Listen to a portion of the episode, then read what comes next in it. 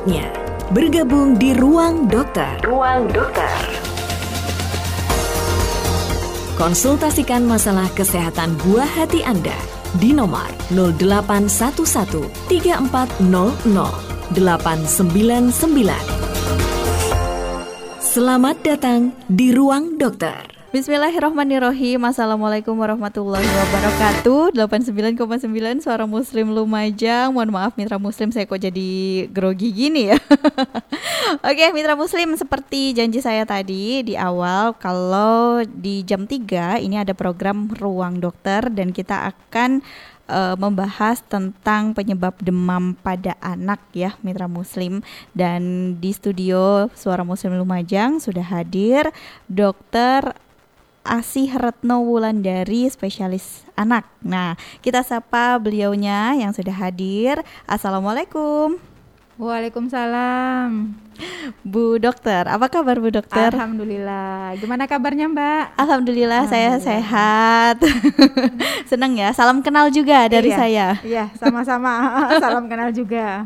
Oke, Mitra Muslim. Biasanya mungkin ya akhir-akhir ini kita sebagai orang tua tuh kayak khawatir gitu. Kok sering banget sih terima kabar dari WA grup sekolah yang mengizinkan anaknya, anaknya ini karena sakit gitu. Jadi tidak bisa tidak bisa sekolah dan itu nggak hanya satu dua siswa saja yang izin mulai sakit flu, panas, demam dan lain-lain.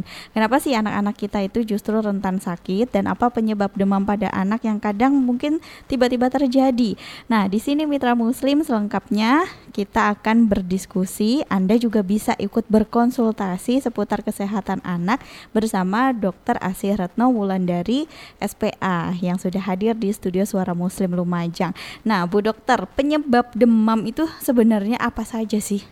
Uh, jadi jadi kita ngomongin demam ya. Jadi siang hari ini kita ngomongin demam.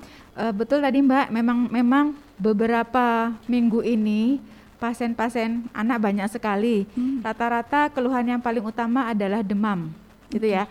Jadi kita harus tahu dulu nih demam itu apa sih gitu ya. Demam itu adalah uh, keadaan suhu tubuh yang meningkat dari biasanya normalnya suhu tubuh itu adalah di angka 36,5 sampai 37,5 derajat Celcius gitu ya.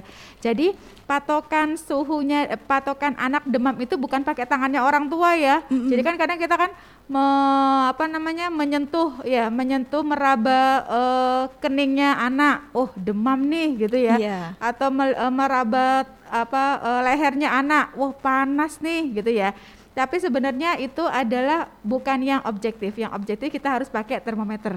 Hmm. Jadi ayah bunda sekalian uh, yang sedang dalam uh, yang sedang mendengar acara ini ya mulai sekarang harus kalau yang punya anak kecil ya anak kecil pokoknya anak usia masih anak ya uh, kalau bisa punya yang namanya termometer dari termometer itu nanti kita bisa benar-benar tahu apa demam atau tidak kadang ada yang kita sentuhannya terasa demam atau terasa sumber ya biasanya orang-orang awam tapi ternyata kita cek masih normal Hmm. Jadi kalau misalnya suhu tubuh normal itu di angka 36,5 sampai 37,5 derajat Celcius.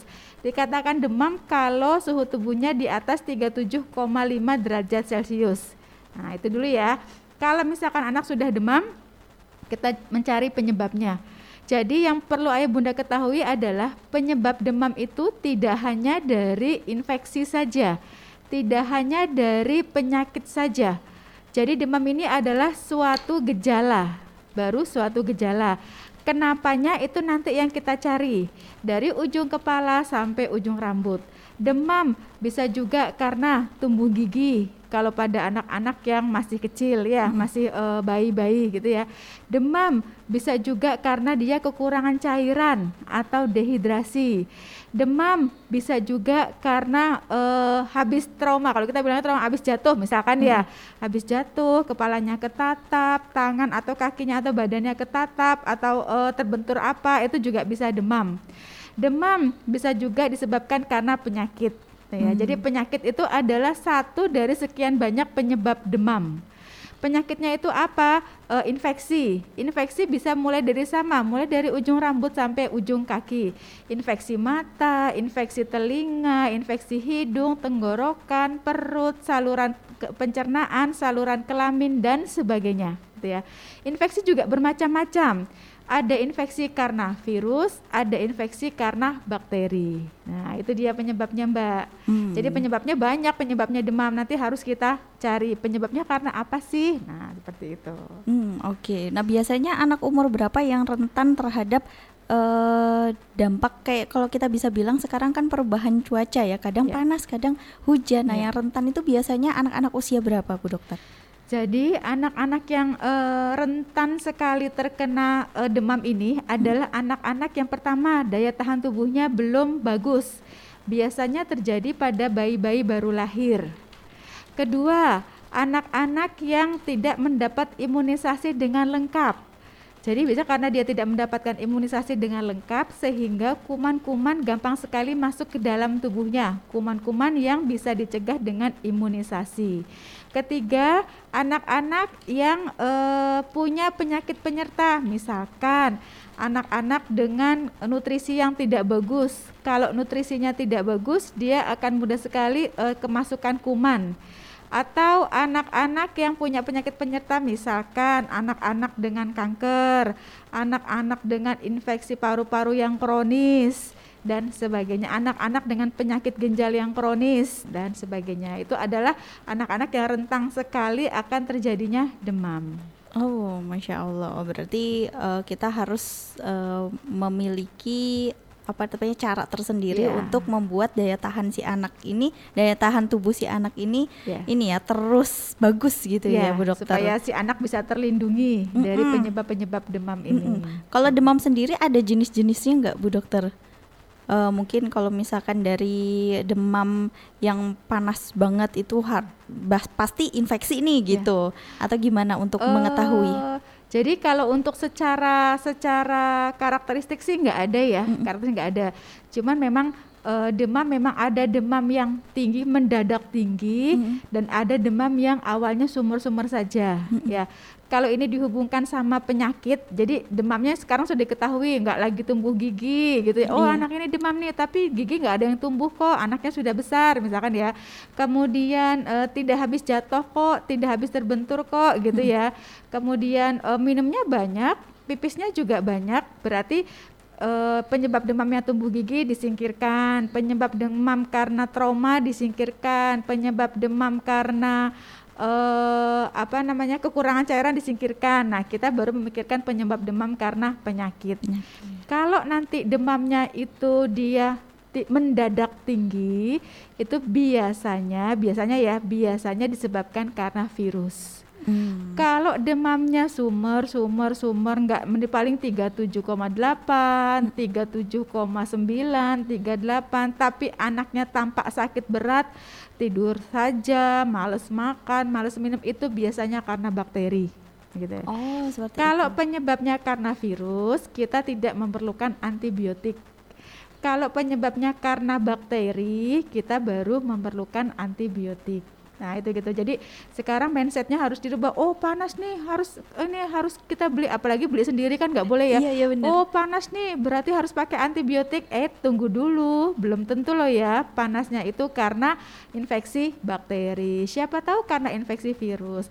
Kalau dikasih kalau panasnya karena infeksi virus dan kita kasih antibiotik itu kan nggak ada gunanya. Hmm. Dan nanti menyebabkan si anak akan menjadi uh, kebal terhadap antibiotik tersebut oh, gitu mbak. Gitu. Jadi nggak boleh asal ya bu dokter ya, ya. nggak boleh asal menggunakan antibiotik. Ya. terkadang kan ibu-ibu uh, males me, apa ya membawa anaknya ya. ke rumah sakit. Ya. jadi ditanganin sendiri ya, aja betul. dengan beli obat di luar. Ya betul benar. Nah itu itu yang sangat disayangkan ya mbak ya. Kadang uh, ke kami itu sudah oh sudah kita minumkan antibiotik si antibiotik ah ini bu dokter tapi belum sembuh. Itu gitu. Padahal kan belum tentu ya memang penyebabnya bakteri bakteri kan belum tentu karena bakteri juga. Hmm. Jadi uh, cara yang lebih baik itu hanya meminumkan obat penurun panas aja Bu Dokter. Betul, betul sekali. Jadi penanganan pertama adalah yang pertama cairannya harus diobservasi. Jadi cairannya itu harus dipastikan dia bisa minum yang jumlahnya cukup banyak karena panas sendiri itu uh, akan membuat cairan tubuh akan menguap semua, jadi dia mudah dehidrasi. Pastikan si anak mau minum cairan, ya. Hmm. Apa saja boleh kok, air putih, kemudian susunya, kemudian air yang lainnya juga boleh. Yang pertama. Yang kedua, diberikan obat anti demam. Anti demam kan banyak ya di pasaran. Yang paling paling aman bagi anak adalah golongan paracetamol. Hmm. Itu yang paling anak diguna uh, yang paling aman digunakan untuk anak-anak. Bisa juga nanti digunakan golongan ibuprofen. Nah, nanti mereknya banyak itu. Hmm. Boleh pakai uh, obat anti demam sementara. Kita observasi, observasi dalam dua atau sampai tiga hari.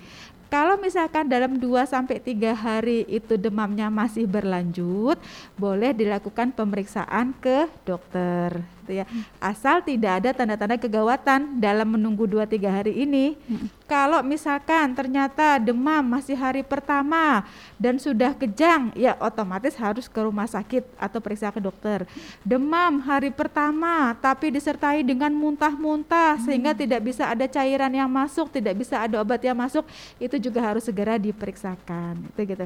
Jadi kalau hanya berupa demam saja, kemudian dia masih bisa pengobatan, dia masih masih bisa minum yang banyak, uh, sebaiknya ditangani dulu di rumah, kemudian ditunggu 2 sampai tiga hari. Kalau tidak ada perubahan, baru dilakukan pemeriksaan ke dokter. Kecuali untuk eh, anak-anak yang bayi tadi yang rentan. Jadi untuk bayi-bayi yang berusia 0 sampai 1 bulan, begitu didapatkan demam itu harus segera diperiksakan ke dokter hmm. seperti itu karena bayi itu lebih rentan, hmm. lebih rawan dan kalau terjadi infeksi biasanya lebih berat dan lebih cepat terjadinya. Hmm. Jadi harus segera diperiksakan. Untuk gitu. ukuran dosisnya pun juga kan kita nggak boleh asal ya Bu iya, Dokter ya, betul. ya untuk bayi ya. Iya betul. Jadi kalau, sulit memang mm, kalau untuk bayi. Sulit sekali kalau untuk bayi. Kalau untuk anak-anak yang mungkin udah usia uh, eh, TK sekolah iya. kita cukup menyediakan kayak paracetamol betul. itu tadi ya Bu Dokter ya. Iya, Oke, Mitra Muslim nanti kita akan lanjut lagi pembahasan kita tentang penyebab demam pada anak gitu ya Mitra atau uh, seputar demam deh, Anda bisa ikut berkonsultasi juga di 0811 3400 899. Kita ke jeda dulu ya Bu Dokter ya. Oke, Dan kita akan kembali setelah jeda pariwara berikut ini. Anda masih di ruang dokter. Ruang dokter. Konsultasikan masalah kesehatan buah hati Anda 0811 3400 899.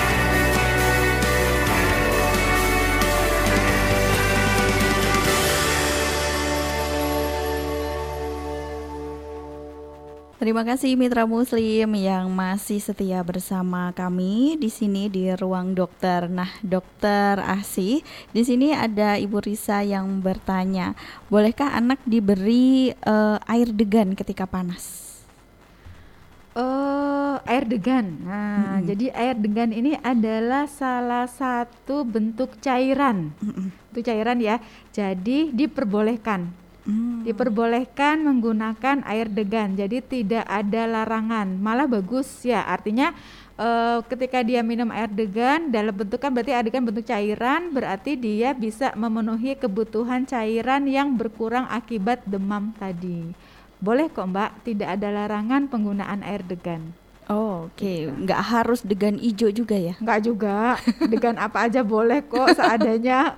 Kalau secara medis sih nggak ada ini ya, nggak ada perbedaan. Kalau secara medis, oh, jadi belum iya. belum belum pernah ada bukti ilmiah bahwa oh degan hijau lebih bagus dari uh, dengan yang biasa mm -hmm. itu uh, belum ada penelitian ilmiahnya. Oh, gitu. seperti itu. Jadi uh -uh. degan apa pun itu sebenarnya yeah. bermanfaat gitu yeah. ya. Nah, kalau untuk demam ya, jadi kalau untuk demam tidak ada perbedaan. Mm -hmm. Degan hijau lebih bagus untuk menurunkan itu. Mm -hmm itu sih belum ada. Yang penting kan memenuhi cairan, cairan si betul. anak itu betul tadi ya. Oke. Okay. Nah, kalau misalkan mengompres anak ketika demam itu sebaiknya menggunakan air dingin atau air hangat. Nah, ini pertanyaan yang penting nih, Mbak. Hmm. Mbak Kiki. Jadi uh, apa namanya? Yang tidak diperbolehkan adalah uh, perbedaan suhu yang sangat jauh jadi kalau misalkan anaknya panasnya tinggi, terus kita kompres dengan air yang sangat dingin, itu nggak boleh. Jadi perbedaan panasnya kan panasnya panas banget nih, hmm. kemudian dikompresnya dengan air yang dingin banget nih, itu perbedaan suhunya sangat be sangat besar sekali. Itu yang tidak diperbolehkan ya. Jadi memang e, anjurannya adalah mengompres dengan air biasa atau menggunakan air hangat ya. Hmm. Dan juga kompresnya itu tidak hanya ditempelkan di bagian tertentu saja. gitu. Kalau men menempelkan di bagian tertentu saja, dia belum efektif untuk menurunkan demam, terutama demam yang sangat tinggi. Hmm. Efektifnya adalah uh, dioleskan, dioleskan apa ya? Diusap. Hmm. Nah, diusap seperti kalau kita sedang nyeka nyeka oh, bayi iya, gitu iya. ya nyeka anak kalau yang sedang sakit kan kalau mandinya diseka dulu mm -hmm. nah itu gitu jadi dengan air, air boleh apa saja yang penting tidak perbedaan suhunya tidak besar. Terus kemudian diseka, diusap, usap wajahnya, diseka tangannya, diseka badannya, punggungnya, kakinya. Nanti diperes lagi, diseka lagi wajahnya, diseka tangan kakinya, punggungnya, perutnya dan seterusnya. Terus dilakukan sampai nanti suhu tubuhnya dingin. Pakai termometer tapi ya pengukurannya. Hmm kalau sudah suhu tubuhnya di bawah 37,5 berarti e, panasnya sudah turun. Baru setelah itu badan si anak ini kita keringkan, kemudian kita e, hangatkan kembali pakai baju yang bersih dan siap-siap untuk istirahat. Itu gitu. Oh, Kadang okay. kan ada orang tua yang hanya pakai kompres di keningnya saja gitu gitu ya. Pakai yang instan. Ah, ah, apalagi yang instan. Jadi itu belum efektif, belum efektif untuk menurunkan demam pada anak. Oh oke, okay. itu biasanya saya juga suka melakukannya pakai yang instan bu dokter. Iya gitu ya. Makanya kok kadang nggak turun-turun gitu. Turun-turun Oke, okay. jadi saya baru tahu ternyata anak panas itu boleh diseka ya. Boleh, boleh, boleh hmm. diseka. Ya, Karena kan kebanyakan kalau anak panas nggak boleh diseka, nggak boleh dimandiin, nggak boleh kena air. Nah uh, itu anggapan yang kurang pas ya, hmm. anggapan tidak benar karena tetap boleh dilakukan penyekaan. Yang penting panas badannya tidak tinggi sekali dan anaknya kondisinya baik ya. Ini seka dalam hal apa ini? Kalau seka untuk mandi ya. Mm -mm. Jadi seka untuk membersihkan tubuh. Mm. Boleh saja asal uh, demamnya lagi nggak tinggi tingginya. Uh, kemudian penyekaan dilakukan dengan air yang tadi ya, dengan suhu suhu airnya dengan suhu tubuh tidak terlalu uh, tinggi perbedaannya e, harus dilakukan memang karena nanti untuk mencegah justru untuk mencegah e, infeksi kulit. Nah, hmm. kalau nggak mandi tuh sampai dua hari, tiga yeah. hari, uh kumannya nanti bisa banyak tuh Mbak Kiki di kulit kulitnya anak. Hmm. Jadi tetap dilakukan penyekaan asal e, badannya lagi nggak demam tinggi dan anaknya kondisinya stabil, nggak nggak e, apa namanya nggak uh, tidur terus gitu ya. Kalau misalkan anaknya lemes terus tidur terus ya sekanya bisa ditunda. Tapi kalau anaknya kondisinya baik, anaknya masih aktif, makan minum masih mau, kemudian uh, panasnya juga nggak terlalu tinggi, ya tetap dilakukan penyekaan untuk membersihkan tubuhnya. Hmm, atau kalau misalkan khawatir, uh, boleh nggak hanya didiamkan di mungkin di lipatan-lipatan saja? Uh, untuk boleh pengompresan. Bo oh boleh, boleh. Cuman tadi itu masih belum efektif untuk menurunkan uh, demam. Tapi oh. boleh kok dilakukan seperti itu, kayak gitu. Tapi memang uh, keefektifannya masih kurang hmm. kalau untuk menurunkan demam secara cepat. Bisa juga menurunkan demam, tapi mungkin nggak nggak terlalu turunnya nggak sampai normal gitu. Hmm. Uh, sulit sekali kalau cuma ditempelkan aja. Oh, seperti ya. itu. Ha -ha. Jadi memang sebaiknya de, dibuka nggak apa-apa ya nggak pakai baju. Maksudnya pakai daleman aja gitu. Justru yang bagus seperti itu. Jadi kalau anak sedang demam, nggak boleh yang menutupi tubuh jadi nggak hmm. boleh pakai sweater, iya. terus sarung tangan, sarung tak kaki, terus diselimutin. Iya iya nah, biasanya oh, gitu. Nanti demamnya nggak bisa kalau kalau orang awam ya kalau orang secara secara masyarakat awam itu nanti demamnya nggak bisa keluar. Hmm. Jadi hanya terkurung di dalam baju dan selimutnya gitu. Jadi kalau misalkan anak sedang demam, pakai baju seperti biasa pakai baju, pakai kaos, pakai celana itu hmm. seperti hmm. biasa. Jadi nggak usah sampai ditutup-tutupin hmm. sampai rapet nanti demamnya nggak bisa keluar dan akhirnya demamnya nggak bisa turun. Oh, bagaimana kalau si anak ini justru ada menggigilnya? Kalau menggigil kan biasanya dia ada kedinginan kayak gitu. Nah, kalau menggigil itu adalah salah satu mekanisme tubuh itu untuk menyamakan menyamakan antara suhu tubuhnya dengan lingkungannya makanya si anak menjadi menggigil gitu ya. Jadi uh, sebenarnya menggigil itu kedinginan itu adalah proses mekanisme tubuh sih. Nanti uh, itu disesuaikan dengan kenyamanan anak. Kalau misalkan anak nyamannya diselimuti ya nggak apa-apa. Nanti hmm. begitu dia sudah nggak menggigil ya harus di uh, apa namanya selimutnya. disingkirkan selimutnya gitu ya. Atau pakai selimutnya yang tipis-tipis aja nggak usah sampai yang tebel-tebel Oh, oke. Okay. Iya. Jadi sebenarnya nggak apa-apa pakai mungkin kayak selendang gitu ya. Boleh. Selendang kan lebih tipis. Iya, gitu. betul. Oh, oke. Okay. Soalnya kan kadang kalau anak panas karena menggigil akhirnya dikaus kakiin, dijaketin Iya, gitu. Suka iya, heboh gitu iya, ibunya. Iya. ya gitu kalau misalkan kembali lagi sama kenyamanan anaknya. Kalau anaknya nyaman seperti itu nggak apa-apa sih dilakukan Mbak Kiki. Habis itu nanti dilihat kalau menggigilnya sudah mulai berkurang eh, dilepas semua yang menutupi tubuh dengan ketat. Oh, oke. Ada nggak Bu Dokter untuk makanan-makanan yang tidak boleh dikonsumsi ketika anak ini sedang demam atau minuman-minuman yang harus dihindari? Kalau hubungannya sama demam tidak ada. Hmm. Jadi semua makanan yang sehat tapi ya, jadi semua makanan yang sehat boleh dikonsumsi. Selauk pauk, sayur mayur, bahkan perlu protein yang tinggi untuk mencegah supaya atau untuk segera eh, membuat daya tahan tubuh si anak jadi kembali ba- baik. Gitu ya. Jadi nggak ada kalau untuk demamnya tidak ada pantangan apa pun untuk makanan dan minuman. Hmm, kecuali kalau ada penyakit penyerta Betul. dari demam itu ya Bu Dokter. Betul, kalau ada penyakit penyerta, misalkan batuk pilek sesak, nanti kan ada hal-hal yang harus di, boleh dimak, boleh dikonsumsi dan ada juga yang tidak boleh atau dilarang. Nanti itu berhubungannya sama penyakit penyertanya dari demam tersebut. Oh, Oke, banyak ilmunya juga ya ngob- obrolan kita di sore hari ini Bu Dokter. Jadi banyak yang mungkin ada yang eh, bisa dikatakan mitos atau fakta Ya, gitu ya Bu betul, Dokter. benar, benar, benar. Katanya anak itu kalau misalkan panas mau pinter. Ah, ah, Gimana tuh Bu Dokter? Itu eh, mitos. Mitos. Ting neng, gitu lagi. Nggak juga sih, nggak Hmm. ada hubungannya itu dengan kecerdasan anak. Oh. Kecuali kalau panasnya dia menyebabkan kejang, nah itu bisa kalau kejangnya terus berlarut-larut bisa menurunkan eh, apa namanya menghambat perkembangan si anak. Tapi kalau panas terus karena anaknya pengen jadi pintar itu mitos banget, Mitos banget ya. tidak layak untuk dipercayai. Hmm, enak banget gitu ya. Iya, Jadi iya. oh anak saya panas, oh berarti kamu mau pinter Oh, besok gitu bisa ya. mau pinter gitu ya. Kok kayaknya enak banget Enak gak ada banget, usahanya iya. orang tuanya nanti malahan ya. Jadi Iya, harus tetap diajarin gitu ya Iya, Bu Dokter ya. benar. Oke, jadi kalau tadi itu mau tumbuh gigi itu bisa panas, bisa demam. Bisa. Selain itu Bu Dokter kalau untuk perkembangan si anak eh dengan hubungannya dengan demam nih. Eh, demam meng- eh, apa namanya menghambat perkembangan gitu. Enggak juga, enggak. Oh enggak ya. Jadi demam tidak menghambat perkembangan anak, ya. Oh, oke. Jadi nggak ada hubungannya sih, kecuali kecuali banyak kecualinya ya. Hmm. Jadi kecuali kalau demam itu disebabkan karena infeksi otak. Nah, Oh. infeksi otak, nanti infeksi otaknya seberapa luas sih otak yang terkena infeksi gitu ya.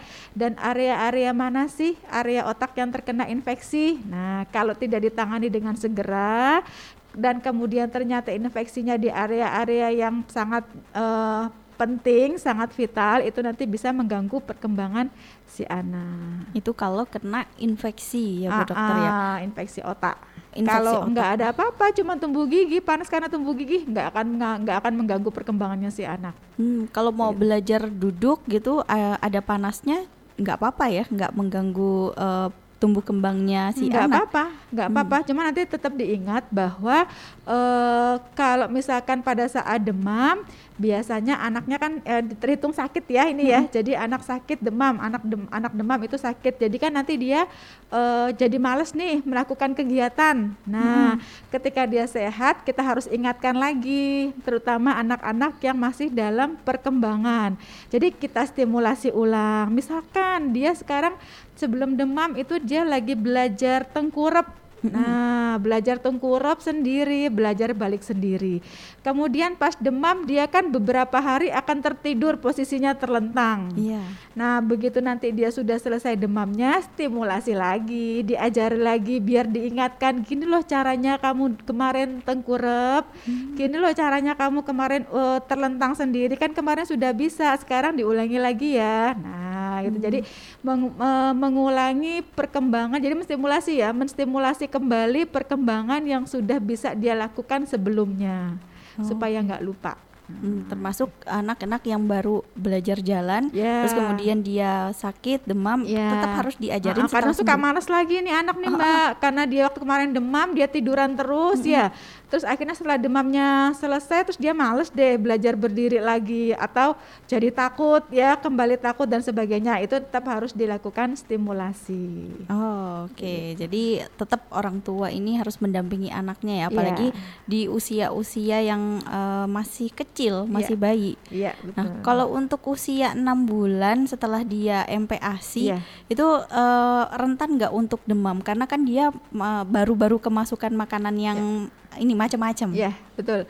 eh eh, untuk demamnya sih ya tergantung tadi. Ya, tergantung misalkan kalau dia eh, sering mengkonsumsi makanan yang tidak tidak sehat ya, entah dia tidak bersih, entah pas ma- masak tidak mateng gitu ya, dan akhirnya kumannya bisa masuk, kemudian menginfeksi ususnya, dia bisa jadi demam. Ada loh p- eh, apa namanya pasien saya itu ya Mbak Ki kemarin eh, jadi berulang demam lagi, demam lagi dan akhirnya harus di, di ini harus dicari kenapa sih kok anak ini sering demam gitu ya? Atau kenapa sih kok anak ini bolak-balik diare misalkan? Apakah makanannya, apakah minumannya, apakah cara bermainnya dan sebagainya. Jadi kalau anak-anak dengan MPASI itu rentannya karena dia kan sudah mulai kemasukan semua ke dalam mulutnya. Dari segi makanannya dia sudah mulai ma- dapat makanan yang diolah baik makanan instan itu ya eh, ataupun makanan yang olahan. Kemudian dari segi memasukkan ini apa jari-jarinya, mainannya ke dalam mulutnya itu juga sebagai sumber tempat masuknya kuman. Jadi memang rentannya karena eh, dia sudah mulai memasukkan sesuatu ke dalam mulutnya. Rentannya di situ aja sih Mbak Kiki. Tapi tapi kalau misalkan selama apa yang masuk ke dalam mulutnya kondisinya bagus, bersih, kemudian tidak kotor gitu ya, ya eh, terlindungi juga kok. Jadi tidak tidak menyebabkan dia sering demam juga. Hmm. Kalau anak-anak yang mulai MPASI. Jadi makanan apa saja boleh ya Bu Dokter Boleh. ya? Kayak lauk pauk gitu, nggak Ya. ada nggak ada pantangan kan kadang ada yang kalau ikan laut nggak boleh dulu gitu. Oh, oh. Nah itu teng teng mitos lagi Berarti gitu ya. mitos lagi. Iya. Justru kalau anak-anak dalam masa perkembangan seribu hari pertama itu ya, itu diutamakan adalah protein hewan. Oh, Karena ya. protein hewan itu eh, sangat membantu sekali dalam pertumbuhan dan perkembangan anak terutama di dua tahun pertama atau di seribu hari kehidupan. Oh, Begitu. masya Allah. Tapi agak susah loh Bu Dokter pengalaman saya. Oh iya betul.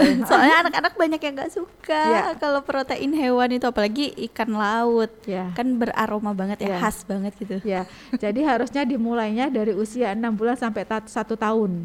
Jadi enam bulan sampai satu tahun itu adalah waktunya, timingnya kita memperkenalkan semua jenis makanan. Begitu dia satu tahun, dia sudah agak menolak ketika kita memperkenalkan jenis makanan yang baru.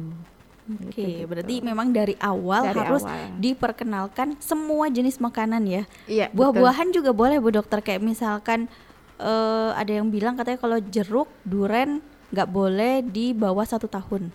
eh boleh, semua buah itu boleh. Asal sudah di udah waktunya MPASI ya. Iya. Jadi diberikan pada usia enam bulan ke atas. Setelah dia mulai MPASI semua buah-buahan itu boleh. Semua sayur-sayuran itu boleh, cuma nanti perbedaan adalah konsistensi ya. 6 bulan sampai 7 bulan lembek ya, eh, lumat gitu ya. Terus 8 bulan 9 bulan eh, apa namanya? tim saring halus. 9 bulan 11 bulan tim saring kasar ya atau dicincang. Nanti satu tahun ke atas sudah eh, makanan keluarga. Itu boleh nggak ada pantangan dan harus diingat yang diingat berikutnya adalah kalau pada anak porsinya sayuran dan buah-buahan itu secukupnya. Jadi tidak boleh berlebihan. Oh. Karena sayuran dan buah itu adalah kalau kita bilangnya anti nutrien akan menghambat penyerapan zat gizi lainnya. Oh, seperti itu. Gitu. Jadi lebih ke protein hewani tadi ya. Ya, betul. Oh, oke. Jadi eh, nggak boleh lebih banyak sayur dan Betul. buahnya. Betul. Oke oke Masya Allah. Dan mitra muslim juga masih boleh ikut bergabung ya. Bisa berkonsultasi juga nih. Ada dokter Asih mitra muslim. Tapi sebelum kita ke jeda Saya ada informasi untuk Anda. Ikuti umroh super spesial Untuk keluarga suara muslim Bersama Ustadz Agung Cahyadi LCMA Ustadz Ahmad Muzofar Zufri LCMA Dan juga Ustadz Dr. Radas Muhammad Taufik AB Berangkatnya mitra muslim tanggal 2 12 Desember 2022 9 hari ya Suba, uh, Surabaya. Langsung jeda. Hotel Bintang 4 Muktara Internasional di Madinah Aska Sofa di Mekah. Hanya 29 juta 250 ribu rupiah saja. Segera hubungi di 0811 3456 800 kita nanti akan kembali lagi mitra muslim di ruang dokter anda masih di Ruang Dokter. Ruang Dokter. Konsultasikan masalah kesehatan buah hati Anda. 0811 3400 899.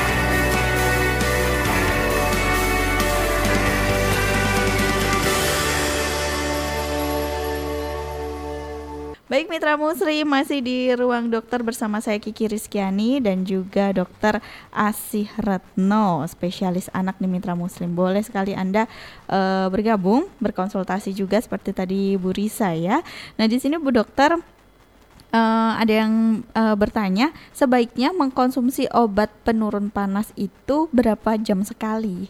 Oke, ini pertanyaan yang bagus nih Mbak Kiki. Hmm. Jadi uh, untuk untuk yang jenis paracetamol mm -hmm. itu masih diperbolehkan digunakan sehari empat kali.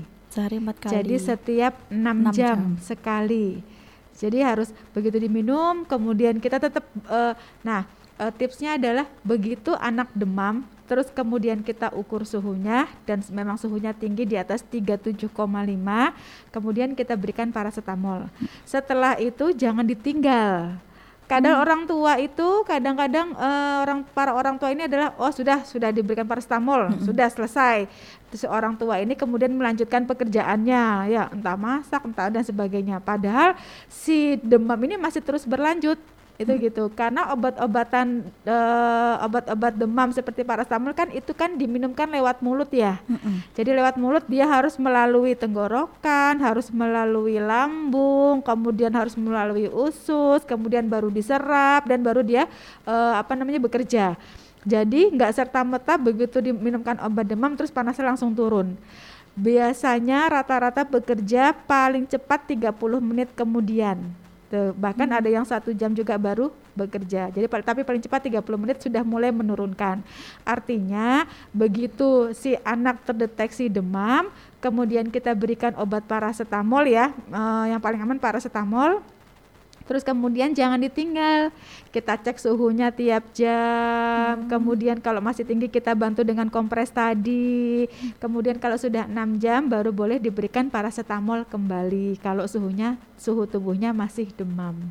Hmm. Kalau yang golongan ibuprofen itu diberikan setiap 8 jam sekali atau sehari tiga kali. Oh, oke. Okay. Kalau untuk paracetamol nggak apa-apa, 6 jam sekali. Ah, ah, jadi bisa sehari empat kali. Oh, oke. Okay. Kalau misalkan anaknya masih agak sumeng, terus kita kasih uh, paracetamol itu boleh nggak Bu Dokter? Uh, dibalikin lagi ter, dibalikin lagi dengan deteksi dari termometernya. Hmm kalau dia sudah 37,5 diberikan paracetamol. Oh. Kalau iya. masih di bawah 37,5 sebaiknya diminumkan aja dulu yang banyak air cairannya hmm. atau dibantu dengan kompres dan sebagainya. Jadi belum perlu diberikan uh, obat anti demam. Oh, oke. Okay. Soalnya soalnya kadang suka khawatir. Jadi yeah. anget sedikit minumin paraset gitu. Ya, ya, Padahal itu sebenarnya nggak perlu ya. Masih anak, belum perlu. Anak cukup diberi uh, cairan yang ya. banyak terlebih dahulu gitu ya Bu Dokter. Iya. Tapi kan kadang suka anak kalau misalkan pas demam gitu nggak mau minum nggak mau minum sama sekali gitu Bu Dokter. Gimana nah, solusinya? Nah, itu tadi. Jadi uh, kalau misalkan anak itu pada saat dia demam tidak mau minum, mm -hmm. berarti harus waspada harus observasi lebih ketat. kalau dia tidak mau minum, terus kemudian akhirnya kebutuhan tubuhnya meningkat dan jatuh kepada dehidrasi, ya e, mau tidak mau dan tidak bisa ditolak harus dilakukan rawat inap. Itu gitu. Jadi nanti e, begitu anak demam, kemudian cairannya kita berikan dan ternyata cairan yang kita berikan tidak mampu untuk memenuhi kebutuhan cairan tubuhnya, pasti nanti anak akan jatuh dalam keadaan dehidrasi. Nah, itu yang harus diwaspadai. Begitu anak jatuh dalam keadaan dehidrasi, mau tidak mau harus dilakukan rawat inap. Hmm, Oke, okay. jadi kita harus ini ya tetap uh, ngontrol si anak juga ya Bu Dokter ya. ya. Uh, mau minum atau tidak, kemasukan makanan atau tidak. Kadang kan kalau ada demam gitu suka uh, baru makan satu suap udah mual, sudah betul, muntah seperti betul. itu. Jadi kalau misalkan nggak ada yang masuk, langsung dibawa ke rumah sakit aja betul. gitu ya Bu Dokter. Iya. Soalnya khawatir kadang suka banget susah. kan ya, khawatir iya, bener. banget kalau misalkan anak sudah nggak mau makan minum, nanti jadi lemas, jadi dan panjang nanti jadi ceritanya. Hmm, ya. Efeknya itu bisa uh, panjang ya, mungkin bisa menambah penyakit-penyakit lainnya gitu Bu Dokter. Betul, karena kalau misalkan tidak ada nutrisi yang masuk, daya tahan tubuhnya kan tambah turun. -hmm. Sistem imun tubuhnya juga tambah turun. Akhirnya kuman-kumannya yang masuk tambah banyak dan tambah bisa berkembang biak di dalam tubuhnya. Akhirnya demamnya tambah tinggi, infeksinya tambah parah dan sebagainya. Hmm, kalau anak-anak itu uh, demam bisa di uh, bisa disebabkan karena lambung nggak sih Bu Dokter? Uh, demam karena lambung itu artinya kalau infeksi di lambung bisa. Oh ya. Tapi jarang sekali karena lambung itu sifatnya asam. Hmm. Jadi banyak sekali kuman. Jadi uh, lambung itu adalah uh, salah satu salah satu palangnya tubuh supaya tidak terinfeksi kuman. Jadi begitu ada kuman yang masuk, terus dia kena asam lambung biasanya mati. Tapi ada beberapa kuman tahan terhadap asam lambung, akhirnya bisa turun ke usus, begitu ya. Kalau misalkan uh, dia infeksi lambung bisa, tapi jarang sekali. Hmm. Jadi banyaknya adalah infeksi usus. Kenapa sih? Karena lambung bukan tempat hidupnya kuman kuman nggak suka di lambung karena lambungnya itu bersifat asam tadi itu hmm. gampang membuat dia cepat mati. Jadi dia buru-buru lewat lambung terus masuk ke dalam usus. Nah dia berkembang biaknya nanti di usus. Hmm. Apakah dengan makan makanan jajanan di uh, misalkan di luar sekolah atau yang disediakan di sekolah bisa menyebabkan anak gampang sakit itu apa karena makanannya yang kurang kurang bersih atau kurang apa ya Bu Dokter ya? Mungkin kurang higienis gitu ya? Ya betul betul hmm. sekali. Jadi kalau misalkan kita mengkonsumsi makanan yang uh, higienisnya tidak terjaga banyak kuman di makanan tersebut nanti kumannya ikut masuk ke dalam pencernaan itu nanti yang membuat pencernaan bisa terinfeksi Hmm, itu yang menyebabkan anak yeah. bisa demam. Ya betul. Oh, sama okay. jangan lupa kebersihan tangan juga. Jadi siapa tahu uh, sebenarnya makanannya sudah bersih kok, dimasaknya juga sudah matang. Begitu dimasak langsung ditutup supaya tidak hingga kuman. Tapi lupa kita begitu kita mau makan kita lupa cuci tangan. Oh, Jadi iya. bisa aja kumannya masuk lewat tangan kita yang belum bersih. Oh iya, soalnya biasanya ada anak-anak itu uh, pulang sekolah nggak apa-apa, tapi sorenya mendadak langsung panas uh, panas ya. tinggi malamnya ya. seperti itu. Itu kadang kita sebagai orang tuanya abis makan apa sih? Gitu. Ya. biasanya langsung nanyanya ke anak abis makan apa? Ya, iya, gitu. Ternyata bisa ya efeknya bisa. ke demam ya Bu Dokter ya untuk salah makan gitu salah bisa. makan. Oke sudah jam 4 nih Bu Dokter. Mungkin ada closing statement atau pesan yang ingin disampaikan untuk mitra muslim nih di rumah uh, untuk uh, mitra muslim yang ada di rumah, saya titip pesan aja bahwa uh, akhir-akhir ini uh, lagi banyak sekali anak-anak yang sakit. Uh, jaga anak-anak kita. Demam adalah salah satu gejala yang paling banyak terjadi. Atasi dulu demam dengan menggunakan paracetamol dengan menggunakan obat anti demam beri cairan-cairan yang cukup untuk menghindari dehidrasi, kemudian pantau terus. Kalau sudah waktunya memang harus diperiksakan, segera diperiksakan ke rumah sakit atau ke dokter supaya tidak terlambat. Gitu aja Mbak Kiki. Oke, terima kasih banyak Dokter Sama-sama. Asi, sehat selalu. Terima kasih. Jangan kapok-kapok saya undang di sini. Siap Mbak Kiki. Alhamdulillah, terima kasih. Assalamualaikum. Waalaikumsalam warahmatullahi wabarakatuh. Baik mitra muslim, tuntas sudah kebersamaan kita di ruang dokter. Terima kasih untuk Anda yang selalu setia bersama Suara Muslim Lumajang. Akhirnya saya Kiki Rizkyani pamit undur diri. Terima kasih telah mendengarkan. Subhanakallahumma wa bihamdika nasyhadu alla ilaha illa anta nastaghfiruka wa natubu ilaik. Maha suci Engkau ya Allah dan dengan memujimu kami bersaksi tiada Tuhan yang berhak diibadahi selain Engkau. Kami memohon ampun dan bertaubat kepadamu. Wassalamualaikum warahmatullahi wabarakatuh.